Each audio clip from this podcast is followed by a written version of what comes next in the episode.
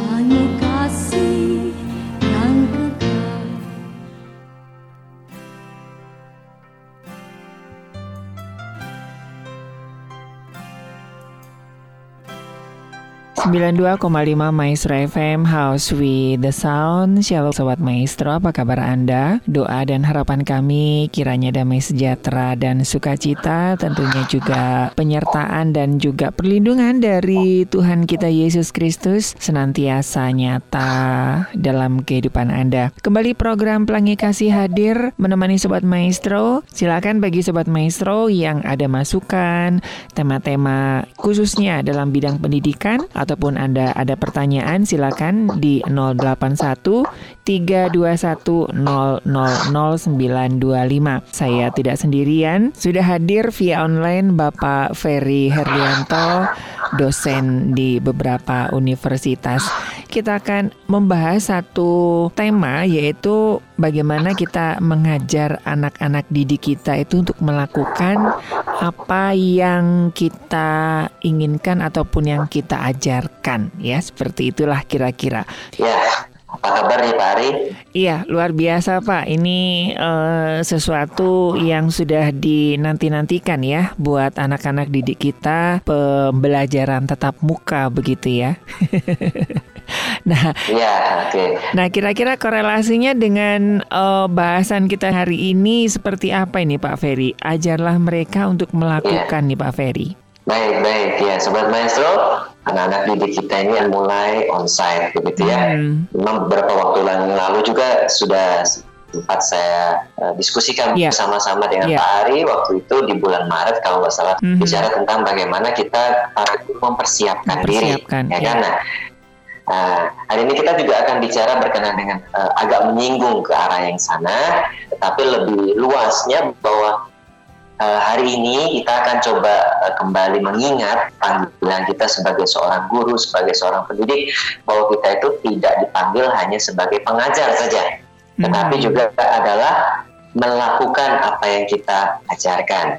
Nah, kalau kita uh, cek kembali di dalam Matius 28 ayat 20, memang ini ayatnya bicara tentang ayat uh, pemberitaan Injil, begitu ya, Pak Ari dan Sobat yeah. saya yakin ini sudah paham bicara tentang misi gitu ya. Tapi di sana ada ada konteks pendidikan juga di sana. Di ayat 20 bicara tentang dan ajarlah mereka melakukan segala sesuatu yang telah kuperintahkan kepadamu.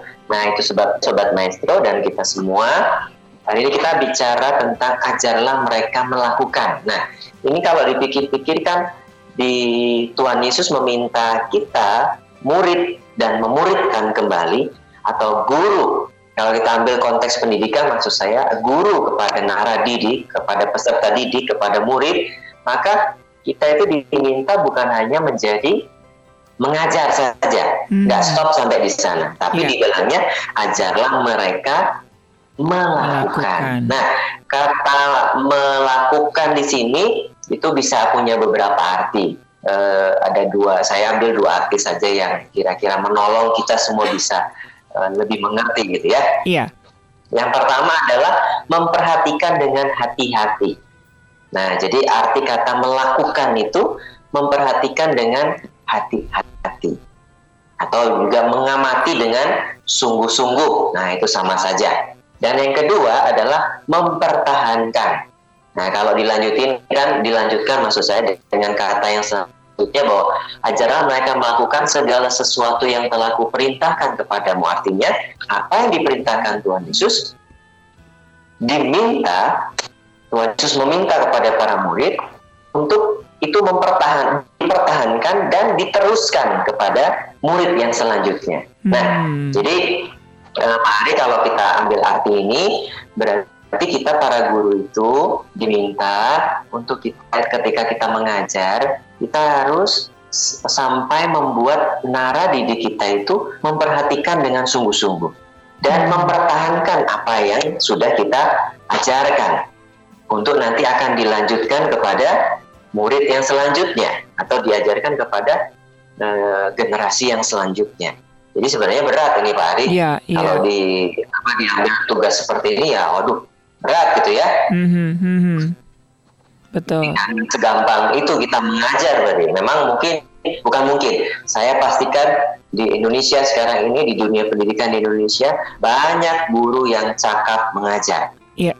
Tapi kalau kita kaitkan dengan iman Kristen, kita kaitkan dengan firman Tuhan, Tuhan mau kita bukan hanya cakap mengajar, tapi cakap mengajar dan mereka melakukan. Mm-hmm. Nah ini ini yang yang yang penting. Jadi mm-hmm. uh, dengan dasar ini Pak Ari dan Sobat Maestro kita coba bincang-bincang. Nah yang pertama kita lihat dari sisi kita sebagai pendidik. Iya. Yeah. Karena Tuhan katakan ajarlah mereka melakukan segala sesuatu dan seterusnya. Mm-hmm.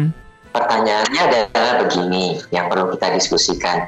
Kita sebagai para guru sekarang ini, entahkah Bapak Ibu guru atau rekan-rekan pendidik saat ini yang mendengarkan siaran ini, yang sama-sama belajar bersama uh, kita, ya Pak Ari dan yeah. juga rekan di studio, pertanyaannya begini, berapa lama kita uh, menjadi pendidik? hmm. itu nggak masalah. Tapi iya. pertanyaannya yeah. adalah berapa banyak yang kita sudah lakukan dari setiap pengajaran hmm. yang kita sudah ajarkan.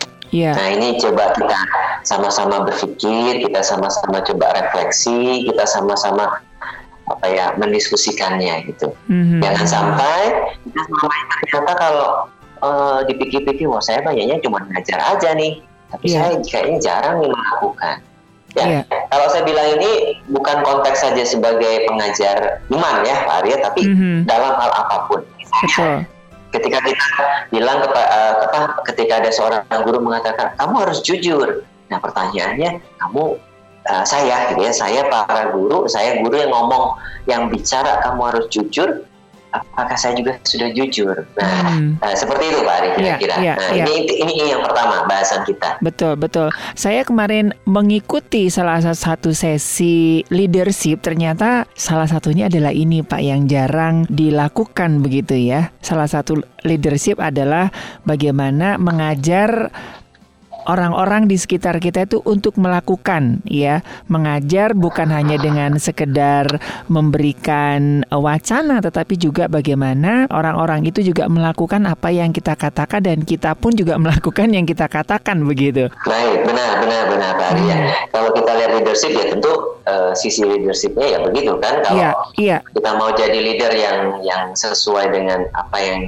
diharapkan begitu ya hmm. tentu harus juga melakukan ya yeah. misalnya ya leadernya bilang kita harus on time datang ya berarti mau nggak mau itu kan sebenarnya tertuju kepada kita juga bagaimana yeah. saya juga apakah tetap on time atau hanya meminta yang di bawah kita untuk on time sementara hmm. saya ya suka-suka saya lah kan saya juga leader betul ya, betul betul nah, betul Pak. nah ini yang setuju saya iya ini yang kadang agak sedikit kurang dipahami ya sebagai pengajar karena saya juga seorang pengajar juga saya baru dibukakan oh iya ya selain saya sebagai seorang pengajar saya juga harus uh, saya juga seorang leader loh jadi uh, nilai-nilai leadership itu harus di uh, wujudkan begitu ya. Jadi tidak hanya mengajar gitu. Dan seperti yang dikatakan Pak Ferry tadi itu benar sekali. Saya terinspirasi dengan uh, Bang Helmi Yahya begitu ketika dia harus mereformasi TVRI gitu kan gitu kan. Aku, aku ini sudah 30 tahun loh di TVRI, aku udah tahu loh TVRI begitu kan. Tapi Bang Helmi bilang bukan masa lalu lama atau tidak, lu udah ngelakuin belum reformasinya gitu kan. Bagaimana mungkin ada 30 30 tahun di sini tapi TVRI, TVRI masih di ranking yang paling bawah. Wow. Iya, iya. What happened kan gitu kan.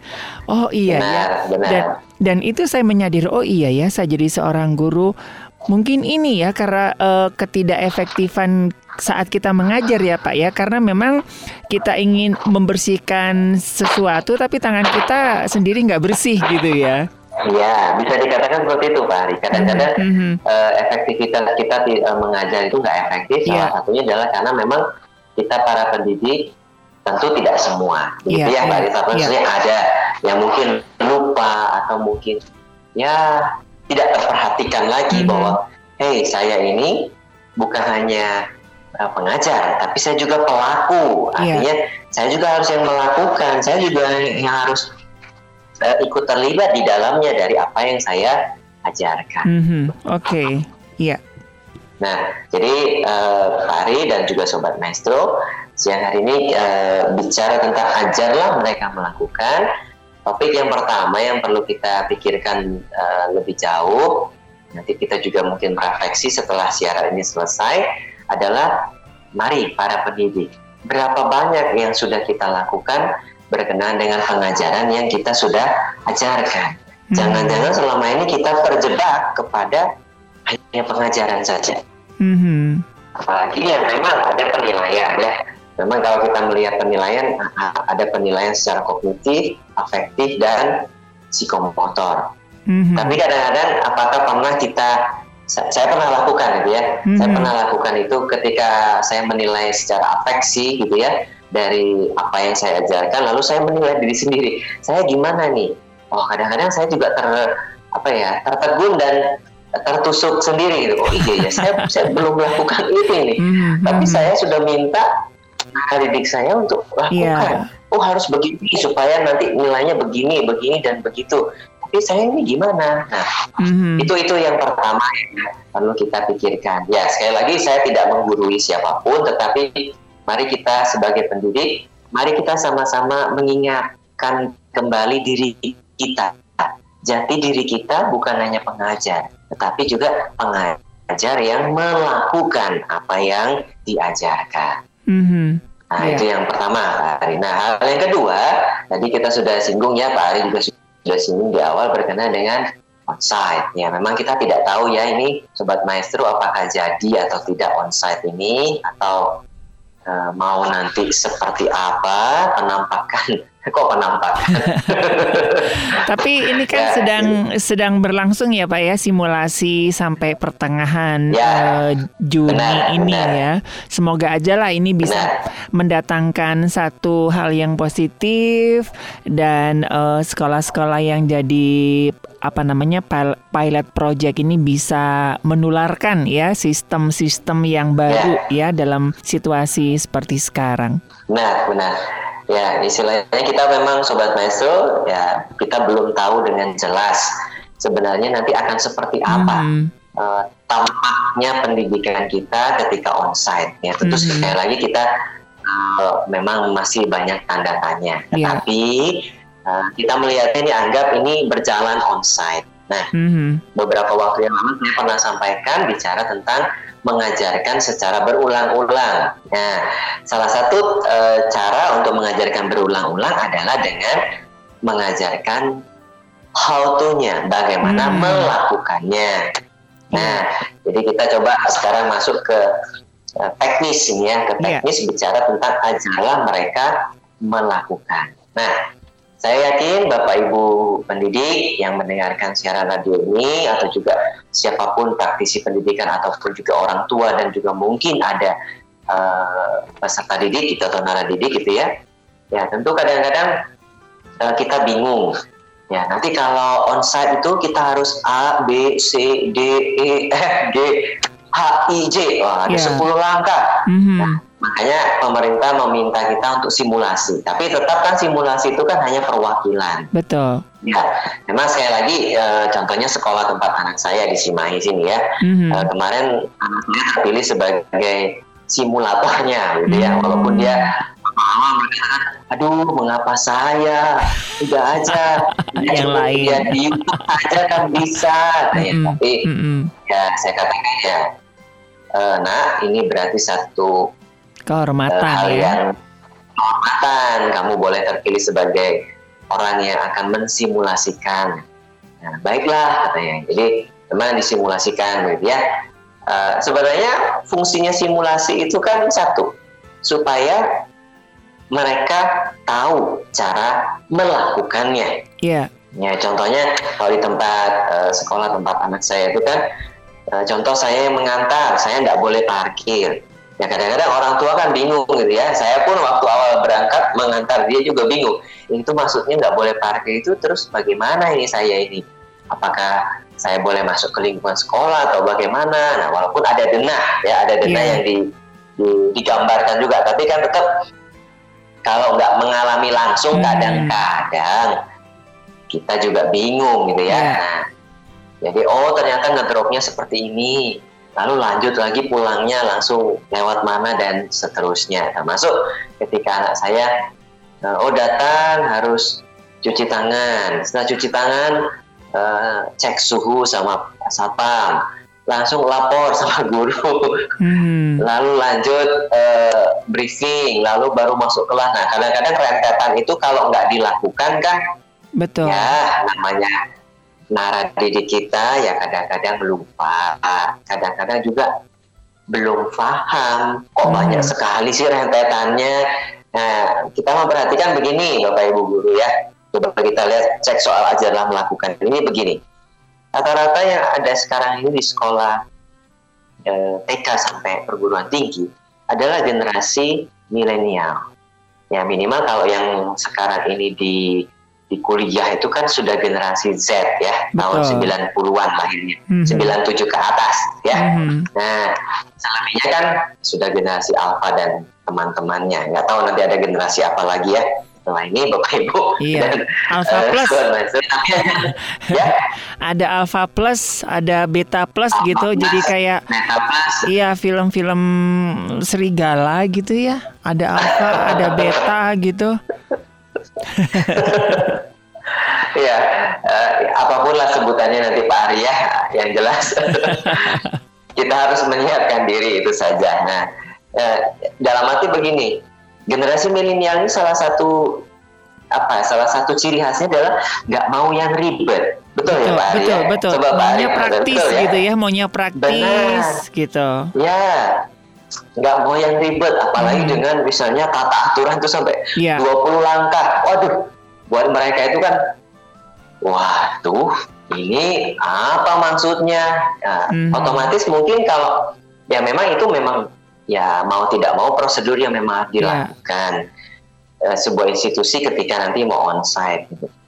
Uh, kalau dilihat langkahnya kan sepertinya panjang, hmm. lebar, lama dan membuat pusing gitu ya, hmm. membuat uh, pokoknya ribet lah begitu. Yeah. Tapi kalau dengan melakukan akan berbeda. Oh ternyata cepat, walaupun 20 langkah yang harus dilakukan, tapi ternyata lima menit selesai. Nah hmm. ini yang yang apa yang kita perlu uh, dengungkan kepada naradidik kita nanti kali ketika kita onsite. Nah, yeah. khususnya ini uh, sekolah, pihak sekolah dan uh, para guru siapa pun nanti yang uh, sivitas akademikanya begitu ya. Ya, kita harus tolong mereka bahwa jangan takut, nggak usah bingung, rasa ribet dengan hmm. step-step hmm. atau langkah-langkah yang harus dilakukan untuk protokol kesehatan. Tenang saja, itu akan dikerjakan ya mungkin 3 menit sampai 5 menit selesai kok, nggak akan membutuhkan waktu yang lama. Nah, makanya eh, kalau kita lihat konsep belajar Pak Ari, bahwa uh, ajar mereka melakukan itu cocok untuk pelajaran-pelajaran uh, yang bersifat keterampilan hmm. dan bersifat uh, bisa dibilang itu manipulatif yaitu apa yeah. mengajak lah gitu ya hmm. mengajak ayo kita harus begini nih. Nah, kalau digunakan dengan metode melakukan, tentu akan berbeda. Tentu akan membuahkan hasil yang lebih efektif, hasil yeah. dari pembelajaran tersebut. Saya masih ingat waktu eh, apa waktu SMP SMA gitu kadang-kadang saya eh, SMP lah khususnya SMP dan SMA kelas 1 lah gitu. Memang saya akui dulu-dulu mungkin zamannya saya dan Pak Ari kali ya dan zamannya bapak-bapak di atas kita mungkin. Eh, saya tahu sekolah itu banyaknya memang guru menjelaskan. Hmm. Tidak banyak kita diajar untuk melakukan. Yeah. Contohnya ketika kita belajar biologi, Nah, ini adalah kaca printeran, printerat gitu ya, mm-hmm. untuk meneliti di bawah uh, apa mikroskop. Yeah. Kadang-kadang kan saya hanya bisa mengamati dan melihat gambar. Oh, mm. kayak gitu. Tapi kita nggak jarang, bukan tidak pernah jarang diajar untuk melakukan. melakukan. Sehingga ya, mm-hmm. ya kita pusing sendiri begitu. Nggak ada saya praktikumnya ya Pak ya? Iya, betul. SMA iya. kelas 2 saya baru masuk lab. Wah itu kayak orang uh, masuk kota orang pedalaman di hutan. Lebih susah saya Pak. Saya kan A2 begitu kan itu kan fisika dan kimia. Dengan sekolah di desa kan sama sekali nggak ada lab. Jadi waktu ada uh, teori pengasaman, teori penggaraman cuman ngebayangin aja gitu hanya gambar-gambar oh ini pipa ini pipa leher angsa terus dikasih pemanasan nanti mengeluarkan uh, apa namanya um, H2O begini-begini apa ya betul. Saya juga sama Pak Ari. Jadi ketika hmm. saya belajar pertama kali kimia, hmm. asam, garam itu saya mah kepikirannya asam teh. Oh mungkin rasanya asam kayak makan yeah. permen asam. Hmm. Oh bahasa itu gini. Yeah, Tapi ternyata kan bukan beda, seperti itu beda ya. bentuknya ya. juga ya. Terus iya. dengan apa Hanya namanya? asam dan gak asam dan basah begitu ya. Iya, iya dengan tabel-tabel itu apa namanya? Eh, logam-logam uh, apa gitu NaCl apa-apa gitu. Aduh, hanya ngebayangin ternyata wala ini mah garam toh. ya. Jadi saya ingat saya baru SMA kelas 2 saya baru masuk lab itu ya mm -hmm. seperti itulah seperti yeah. orang aneh yang masuk ke satu yeah. daerah yeah. yang semua dipegangin ya sembari semua dipegangin kan guru-guru gurunya pasti eh jangan pegang itu nanti pecah itu bahaya ini begini nah selama ini kan kita nggak tahu mana yang ya, bahaya mana betul, yang enggak mana yang betul uh, bagaimana gitu nah, nah jadi salah satu hal keuntungan kalau kita mengajar mereka melakukan atau mengajar anak didik kita melakukan adalah satu yaitu cocok untuk pembelajaran yang eh, bersifat manipulatif yaitu mengajar uh, dan juga untuk yang keterampilan. Jadi hmm. saya mengingatkan saja, ya, hanya hmm. mengingatkan saja. Yeah. Kalau Bapak Ibu uh, para pendidik ya saat ini yang punya mata pelajaran atau mata kuliah gitu atau mengampu mata kuliah yang sifatnya praktika, ya tentu harus ada model-model secara aja mereka melakukan ya supaya apa supaya bisa mereka mereka bisa mempertahankan apa yang sudah didapat secara teori mm-hmm. nah contohnya uh, uh, di STT di mana saya melayani saya sudah dua tahun ini uh, mengampu mata kuliah yang namanya liturgika oh iya yeah. nah kalau secara simpel mata mata kuliah ini kan bicara tentang uh, bagaimana mengatur sebuah liturgi. Iya. Ya. Tata ibadah uh, begitu ya. Tata ibadah.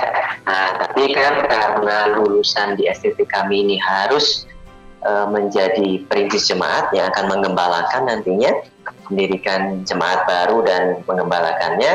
Nah, mata kuliah liturgika ini dikembangkan, hmm. yaitu dengan mengembangkan dari sisi-sisi bagaimana dalam liturgi penggembalaannya. Jadi bukan hanya secara ibadah, hmm. tapi mereka juga diajar uh, bagaimana me melakukan perjamuan kudus, membaptis orang, memberkati orang yang menikah, hmm. penyerahan anak, atau juga mungkin kita mau uh, pemakaman Maka, iya. atau di rumah duka. Nah, pengembangannya ke sana, Pak Ari, kalau hmm. di tempat kami. Nah, memang sebelum-sebelumnya uh, itu tidak ada prakteknya. Jadi yeah. mahasiswanya bisa membayangkan. Jadi ketika terjun di lapangan mereka harus membaptis orang mereka bingung hmm. ini, ini gimana ini membaptis orang nah uh, dua tahun ini saya uh, mengampu ya tentu saya memang begini uh, sobat maestro dan juga kita semua yang mendengarkan memang dengan metode ajarlah mereka melakukan memang kita sebagai pendidik itu tuh ribet betul serius. Yeah. kita harus mempersiapkan kan? Memang kadang-kadang ya saya tidak bisa pungkiri kadang-kadang dengan kesibukan kita khususnya para dosen kita nggak sempat lagi gitu. Aduh bagaimana ini? Tapi ya kemarin-kemarin ini selama dua tahun ini saya mengampu mata kuliah liturgika ini saya coba untuk mereka belajar. Hmm. jadi kebetulan memang ada ada kolam baptisan juga di lingkungan ya. kampus gitu. Ya saya suruh mereka saling membaptis satu dengan yang lain itu mm-hmm, mm-hmm. dan dan ini kan juga harus disesuaikan dengan uh, apa namanya budaya setempat ya Pak ya. Nggak bisa uh, ya Pak Ferry hanya dengan uh, satu metode aja begitu ya Nanti takutnya nggak sesuai kan dengan tiap daerah kan mempunyai apa ya uh, kearifan lokal tentu ya Pak dan itu kan benar, butuh benar. effort sendiri ya. Ya, ya. Yang penting bahwa standarnya sudah tahu seperti ini. Mm-hmm. Nanti hmm. untuk istilahnya modifikasi di ya. lapangan, ya. oke, okay, mana yang perlu di dimodif, mana yang perlu dipertahankan. Nah, tapi bayangkan kalau mereka nggak tahu standarnya. Iya. Nah, begitu kearifan lokal muncul nah, akhirnya melenceng jadi bingung mereka kan. betul nah, betul akhirnya ya, ke sinkritisme betul. begitu ya nah benar benar nah itu sebabnya ya saya mencoba memang repot gitu ya mm -hmm. saya apalagi daerah kami ini walaupun daerah uh, gunung dan bukit itu kadang-kadang air itu susah gitu ya mm -hmm. saya ingat itu ketika mau mau menolong ya uh, apa mereka belajar untuk membaptis ya kami memang menganut baptisan selam, selam. gitu ya Pak ya. Mm-hmm. Nah jadi ya saya harus ngecek uh, beberapa kali itu kolam baptisannya mm-hmm. sudah penuh atau belum itu sampai malam gitu ya ya itu effortnya ya hmm. effortnya ya hmm. ini saya, termasuk uh, saya, Pak Ferry ada kunjungan ke NTT ke luar Jawa juga mungkin juga dalam rangka untuk membuat satu kurikulum liturgi ini ya Pak ya uh, ada sempat kemarin juga sih ya, hmm. supaya mereka juga uh, apa siap ya siap, siap ketika hmm. ada kearifan lokal uh, ada di tempat mereka melayani ya gimana cara mereka uh, menyesuaikan dirinya mm -hmm, gitu, se yeah, secara yeah. Uh, tidak bertentangan dengan uh, standar dan firman Tuhan mm -hmm. tapi bisa mengcover kearifan lokal juga yeah, begitu yeah. ya mm -hmm. jadi sobat maestro memang uh, yang pertama ya kita perlu ya untuk mengajarkan mereka melakukan. Nah, khususnya bicara tadi kita balik lagi ke posisi awal perbincangan kita tentang uh, pembelajaran onsite. Nah, saya harap memang kita pihak institusi dan sekolah para guru khususnya ya harus kita apa ya kalau orang bilang orang Jawa itu bilang ya harus legowo kalau misalkan ada yang salah hmm. jadi ya minta mereka melakukan lagi itu masih salah prosedurnya yeah. lewat satu lewat dua ayo lakukan lagi nah, yeah. jadi ada toleransi uh, lah ya benar supaya mereka tertolong mm-hmm. dan itu bisa dipertahankan tadi ingat ya bahwa yeah.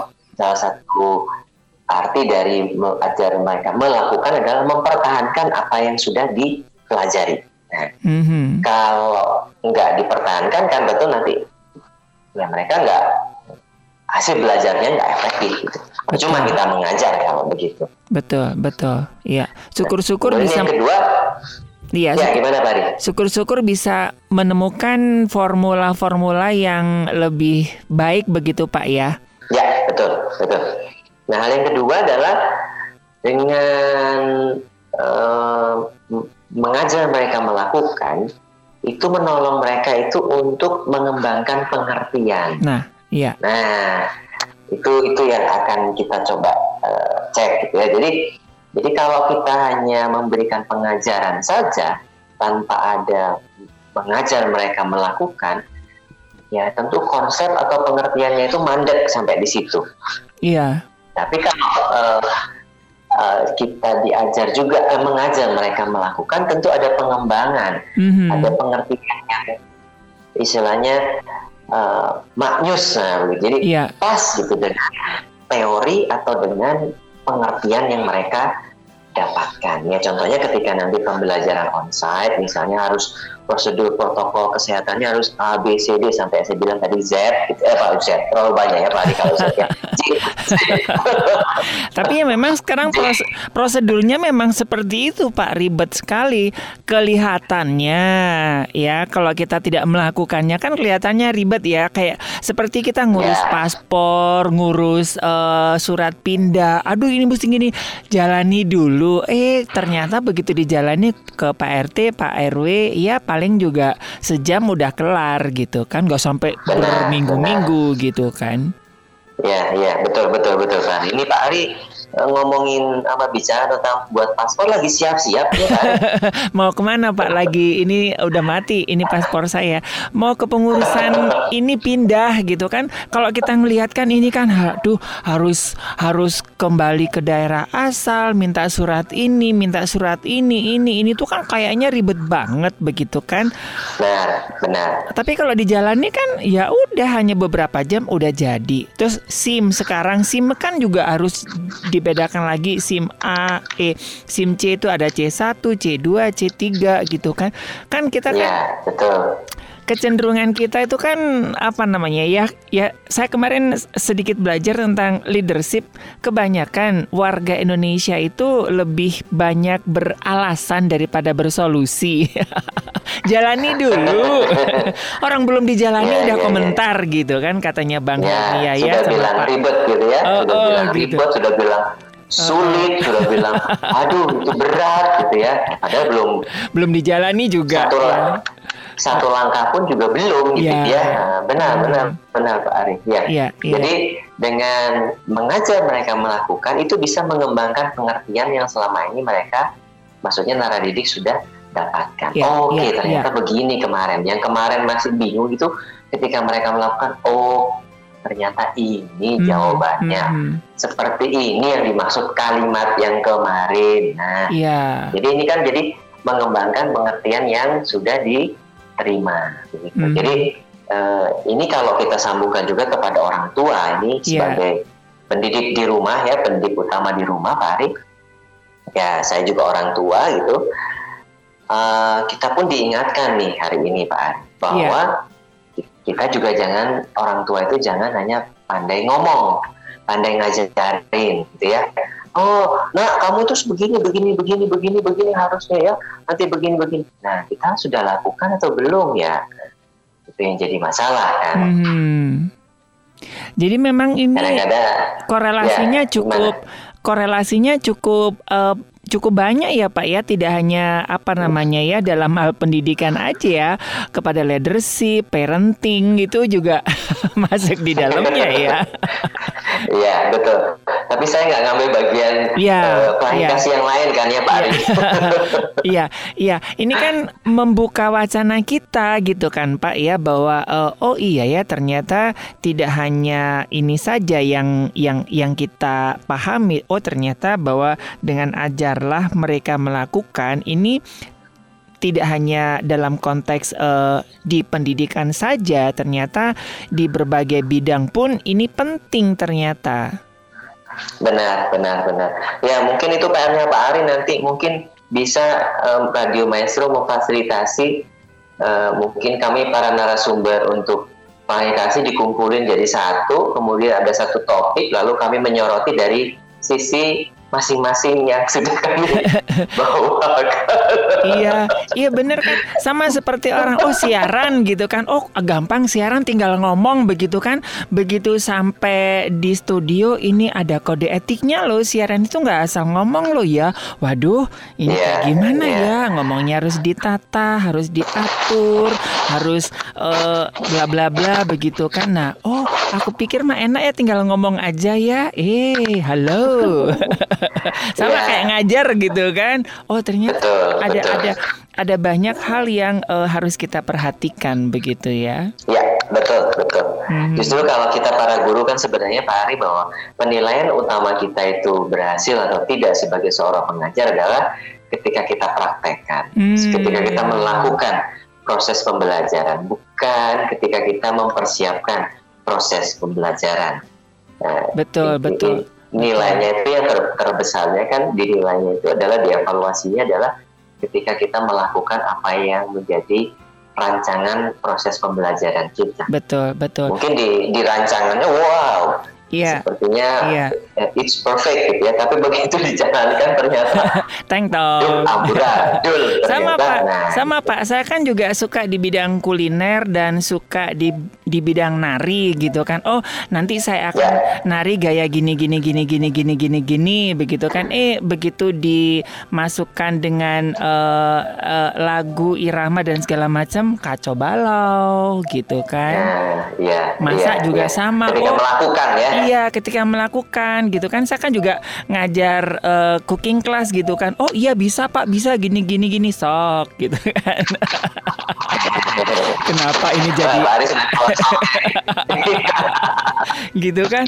Sepertinya bisa dengan membaca tapi ketika harus menghadapi apa namanya oh uh, ini harus uh, sekian menit mengocok apa apa namanya telurnya tepungnya sekian nggak boleh lebih nggak boleh kurang oh gampang lah gitu nyetem timbangan aja kagak ngerti gitu kan itu kan juga Iya betul betul sekali tidak segampang tidak pengertian yang ya. kita dapatkan ya hmm.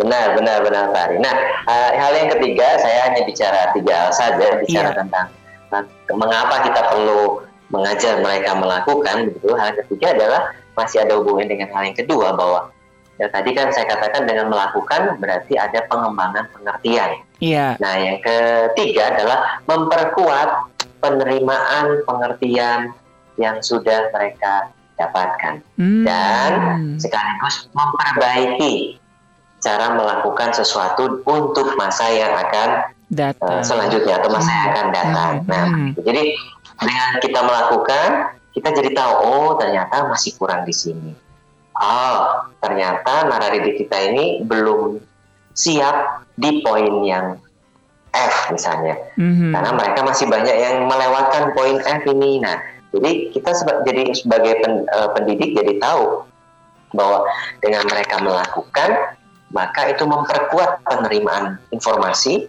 dan juga tahu cara bagaimana memperbaiki hal-hal untuk uh, ke- yang kemudian itu menjadi lebih lebih baik begitu. Hmm.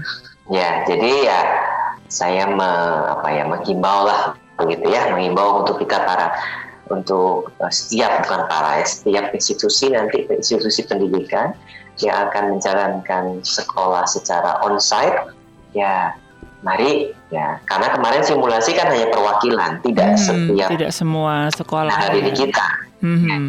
ikut melakukan ya memang ada bilang katanya pembelajarannya pun tidak akan semuanya naradidik itu masuk, tapi mungkin ada dengan cara apa ya, ya hybrid katanya sekarang ada kata hybrid hmm, ya, hmm. baru lagi nih di pendidikan kok ada kata hybrid yeah, muncul yeah. baru nih, ya, misalnya uh, ya minggu ini presensi atau absen ya absensi nomor uh, nomor siswa nomor 1 sampai 10 minggu depan 11 sampai 20 misalnya.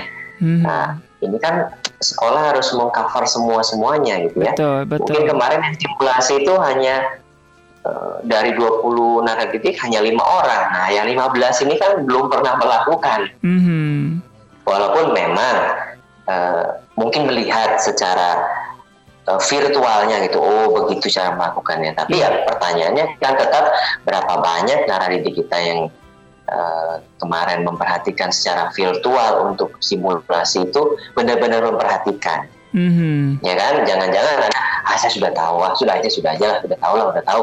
Ya tentu step-step yang diminta oleh sekolah atau diminta pemerintah kadang-kadang ada yang lewat gitu. Iya. Nah itu sebabnya dengan mengajar mereka melakukan sekolah jadi tahu oke okay, masih kurang di poin yang mana atau langkah yang mana ini yang masih banyak lupa. Begitu Pak Ari hmm. kira-kira ini.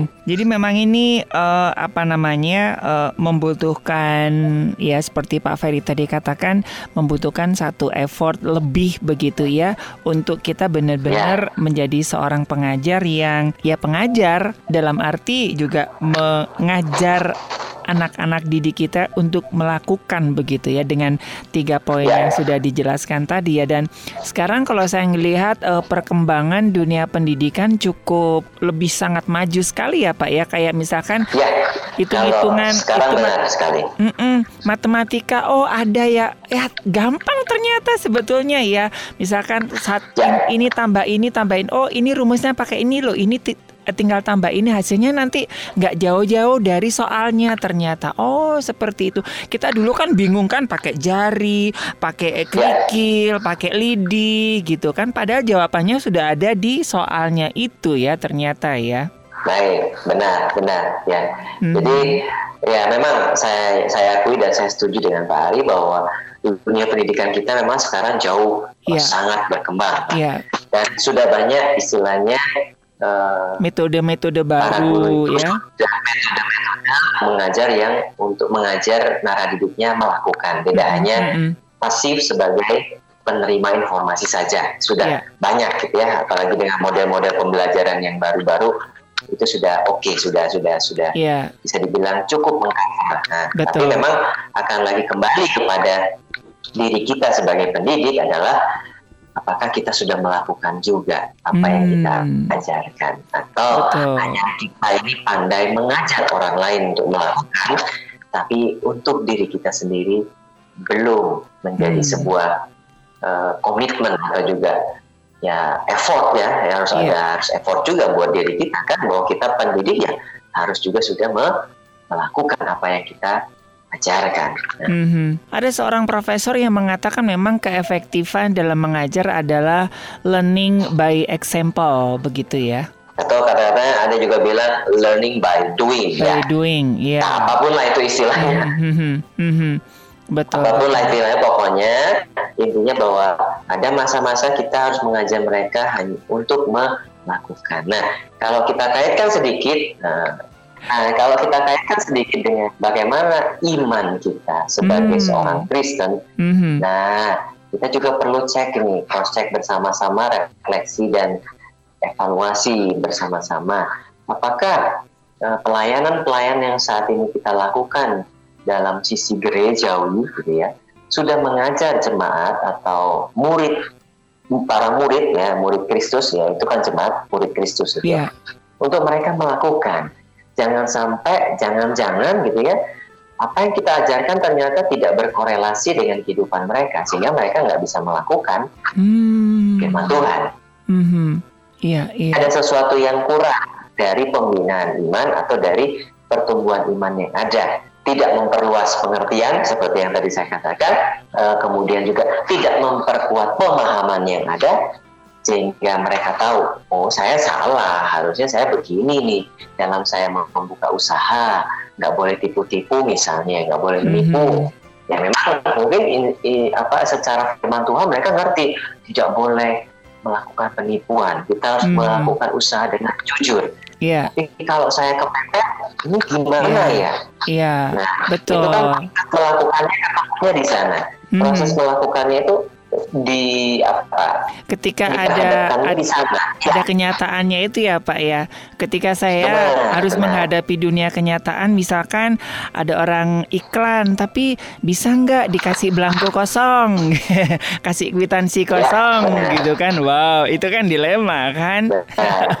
Betul, bisa nggak di up gitu kan iklan? mau tetap ya mau tetap dilakukan atau kita bilang tidak?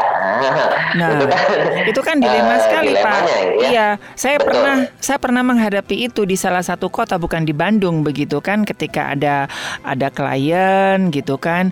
Pak, tapi nanti saya minta dua kwitansi ya, satu kwitansi asli, satunya lagi minta kosong gitu. Aduh, gimana ya atau gini aja deh uh, saya kan di sini bayar seribu nanti bapak tulis aja sepuluh ribu ya gitu aduh gimana ya nggak diambil itu kita ya. butuh diambil itu gimana nah terus saya tanya ya. kepada seorang teman yang lebih dulu di dunia bisnis nggak apa-apa kalau di bawah di bawah 3 juta itu mah nggak dosa katanya waduh apa apa emang begitu ya ada teman bilang welcome to the jungle ya betul betul benar sekali Pak Ari. Nah hmm. jadi ya kalau kita kaitkan dengan yeah. adalah mereka melakukan dari sisi iman ya, sebenarnya yeah. tantangan iman itu bukan ketika kita ada di gereja gitu ya, yeah. atau yeah. ketika kita sedang belajar firman Tuhan, tapi hmm. tantangan hmm. terbesarnya adalah bagaimana kita melakukan firman yang kita dengar, kita pelajari di dalam kehidupan kita yes. sehari-hari. Yeah. Betul. Ada banyak memang eh, bukan banyak lah, ada beberapa yang mengatakan aduh itu sulit melakukan firman Tuhan sulit. Sebenarnya tidak sulit, seperti balik seperti tadi kata Pak Ari ya. Mm-hmm. Belum dikerjakan, belum mulai sudah bilang sulit. Yeah. Nah. Mm-hmm. Itu memang tantangan pendidikan di Indonesia.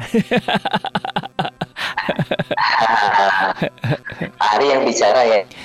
Iya, itu itu memang uh, saya mengutip dari orang-orang pinter ya yang uh, seperti Hel Helmi Yahya, Pak Gita Wiryawan, terus Pak Erick Thohir. Tuh. Ya, ya semoga lah kita berdoa bahwa dengan uh, banyaknya informasi-informasi positif ya, boleh memajukan uh, apa namanya pendidikan di Indonesia dan ya ini hanya sebetul sebetulnya hanya uh, segelintir orang sih, cuman kan akhirnya kan dijadikan apa ya, digeneralisasi, akhirnya Indonesia dapat label kayak begitu, begitu kan. Padahal masih banyak banget sih orang-orang yang uh, mempunyai prestasi yang lebih gitu ya.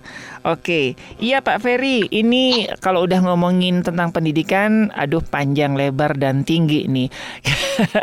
Kira-kira apa yang bisa menjadi kesimpulan kita siang hari ini Pak Ferry dengan ajarlah mereka melakukan Pak? Kesimpulannya yang pertama bahwa kita para pendidik harus terlebih dahulu melakukan apa yang kita ajarkan dalam sisi apa pun, entah itu eh, pengajaran secara rohani atau juga pengajaran secara dalam artian mata pelajaran yang sepertinya tidak ada kaitannya dengan iman, walaupun kita pernah bahas ya Pak Arya hmm, bahwa yeah. sebenarnya setiap mata pelajaran ada kaitannya dengan iman. iman nah itu kan betul.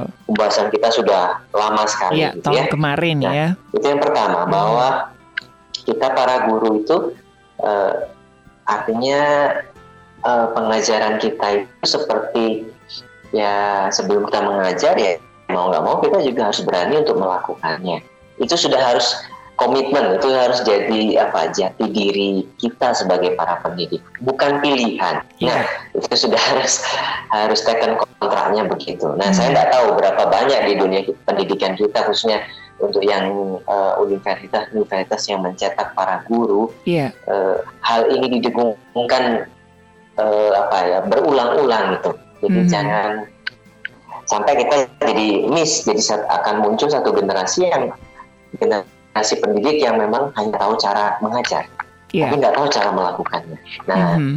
itu itu yang yang penting nah yang pertama itu bahwa kita dulu para pendidiknya mari kita coba introspeksi dan refleksi diri kita apakah yang kita ajarkan sudah kita sering lakukan juga mm-hmm. seberapa banyak kita sudah lakukan nah yang kedua bahwa dalam kita mengajar mereka melakukan itu harus sampai ya itu tadi kenara diri kita itu mempertahankan apa yang sudah mereka dapatkan sehingga nanti bisa diteruskan kepada yang lainnya Betul. diteruskan kepada generasi yang selanjutnya nah itu baru bisa dikatakan itu efektif pembelajaran memang hmm. mungkin kelihatannya kesimpulan saya aduh ideal banget sih Pak Ferry yeah. ya kita harus berpikir ideal gitu kan ya. hmm. ya karena eh, kadang-kadang kenyataan di lapangan memang berbeda dengan yang yang kita pikirkan secara ideal. Tapi kita harus bermimpi untuk yang yeah. ideal. Jangan kita bermimpi yang ah, kita mimpinya yang berantakan dulu aja karena kita nggak tahu hmm. lapangan. Tidak, gitu ya. Sebagai seorang pendidik kita harus berpikir secara ideal, Betul. merancang sesuatu secara ideal. Betul. Tidak bisa kita bilang, lah suka-sukanya lah nanti kan nggak tahu nanti di kelas bagaimana tidak kita tetap hmm. harus berprinsip ya yang ideal yang harus kita yeah. pikirkan kita rancangkan ya kalau bisa kita lakukan. Betul. Ya itu dua hal itu saja Pak Ari oke. okay. Semoga ini bisa menginspirasi ya bagi para pendidik dan juga para orang tua dan setiap kita yang concern di bidang pendidikan. Sekali lagi Pak Ferry, terima kasih buat siang hari ini untuk Terima kasih kembali Sobat Maestro. Baik Sobat Maestro dari Gra Maestro Jalan Kaca Piring 12 Bandung, saya Ari, rekan operator dan Pak Ferry, dosen di beberapa universitas mengundurkan diri dari program Pelangi Kasih. Kita akan ketemu lagi di program Pelangi Kasih minggu depan. Tetap jaga protokoler kesehatan dan Tuhan memberkati.